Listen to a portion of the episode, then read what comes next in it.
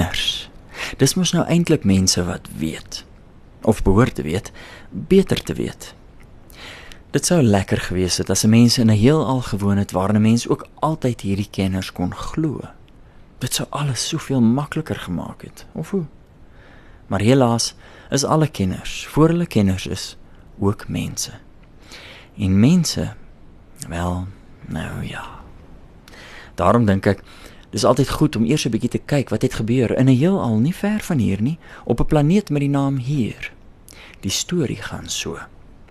Eendag, lank, lank gelede, het al die viole op die planeet Hier skielik opgeraak. Daar was nêrens 'n enkele viool te bespeur nie. Nie in enige konservatorium nie, nie in 'n museum nie, nie eens in die paleis van die heerser van daardie wêreld nie. Maar daar was wel een onbespeurde viool, 'n Dravestarius montu, 'n oorblyfsel uit die goue eeu van hier se mees uitnemende viool era. Hierdie viool was in die besit van 'n ene meneer Vister, 'n industrialis van buitengewone rykdom, invloed en boonop die vervaardiger van een van die mees kosbare verbruikersitems op die planeet, Elix. 'n lewensverlengende dopa wat op 'n gereelde grondslag deur byna elke bewoner van hier gebruik is. Maar hierdie agtergrond is van minder belang as die viool wat hy in sy kluis gehad het. Die viool het as erfstuk in sy besit gekom. Geslagte reeds is die viool in poedels van vader na seun oorgedra, telkens met slegs die volgende 3 voorwaardes. 1. Hierdie viool moet in die familie bly. 2. Jy moet in jou lewenstyd soveel viole as wat jy kan vernietig. Hierdie moet uiteindelik die enigste viool wees. En 3. Hierdie viool mag slegs die liede wat in die addendum van hierdie erfdokument gelys is speel en niks anders nie. Teen die tyd dat meneer Vister die viool by sy pa geërf het, was daar nog net 'n paar ander viole oor en hy het in vier blitsige operasies korte mette van hulle almal gemaak. Nou mag die geagte leser dalk wonder waarom die hierigene, dis nou die demoniem van hierdie besondere beskawing, nie net eenvoudig nog viole gemaak het nie. Wel, die geheim van vioolvervaardiging was ook in die besit van slegs die vioolmakers en is telkens uitgewis te same met hulle viole. Meneer Vister was dus die enigste wat die geheim besit het. Verder was dit ook so dat 'n mens met 'n paar basiese items handgereedskap, fundamentele vakmanskennis en 'n gesonde dosis natuurlike talent gedurende die goue eeu viole kon maak. Maar dat die wetenskap seretien sodanig ontwikkel het dat die hele proses soms doelbewus ongelooflik gekompliseer is, sodat slegs diegene met 'n enorme begroting en 'n makro-ekonomiese skakeling die infrastruktuur kon vestig vir die vervaardiging van viole. Die ganse heerdom het swaar gelei onder die nuwe vioolose werklikheid. Maar besondere foltering het die vioolspelers getuister. Hulle kon nie doen dit wat hulle die graagste wou doen nie.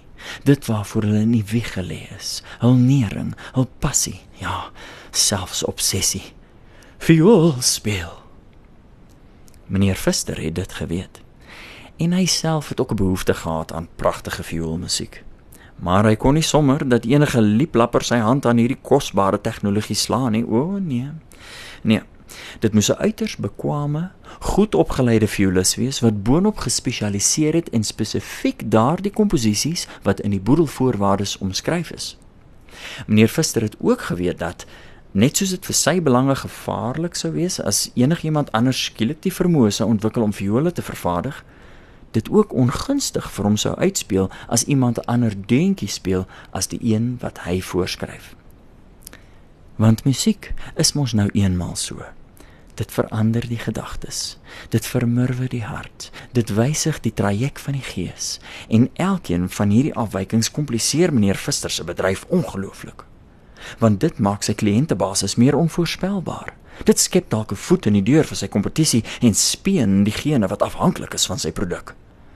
Daarom is dit belangrik vir hom om volkomme beheer uit te oefen oor wat gehoor word en deur wie dit gespeel word.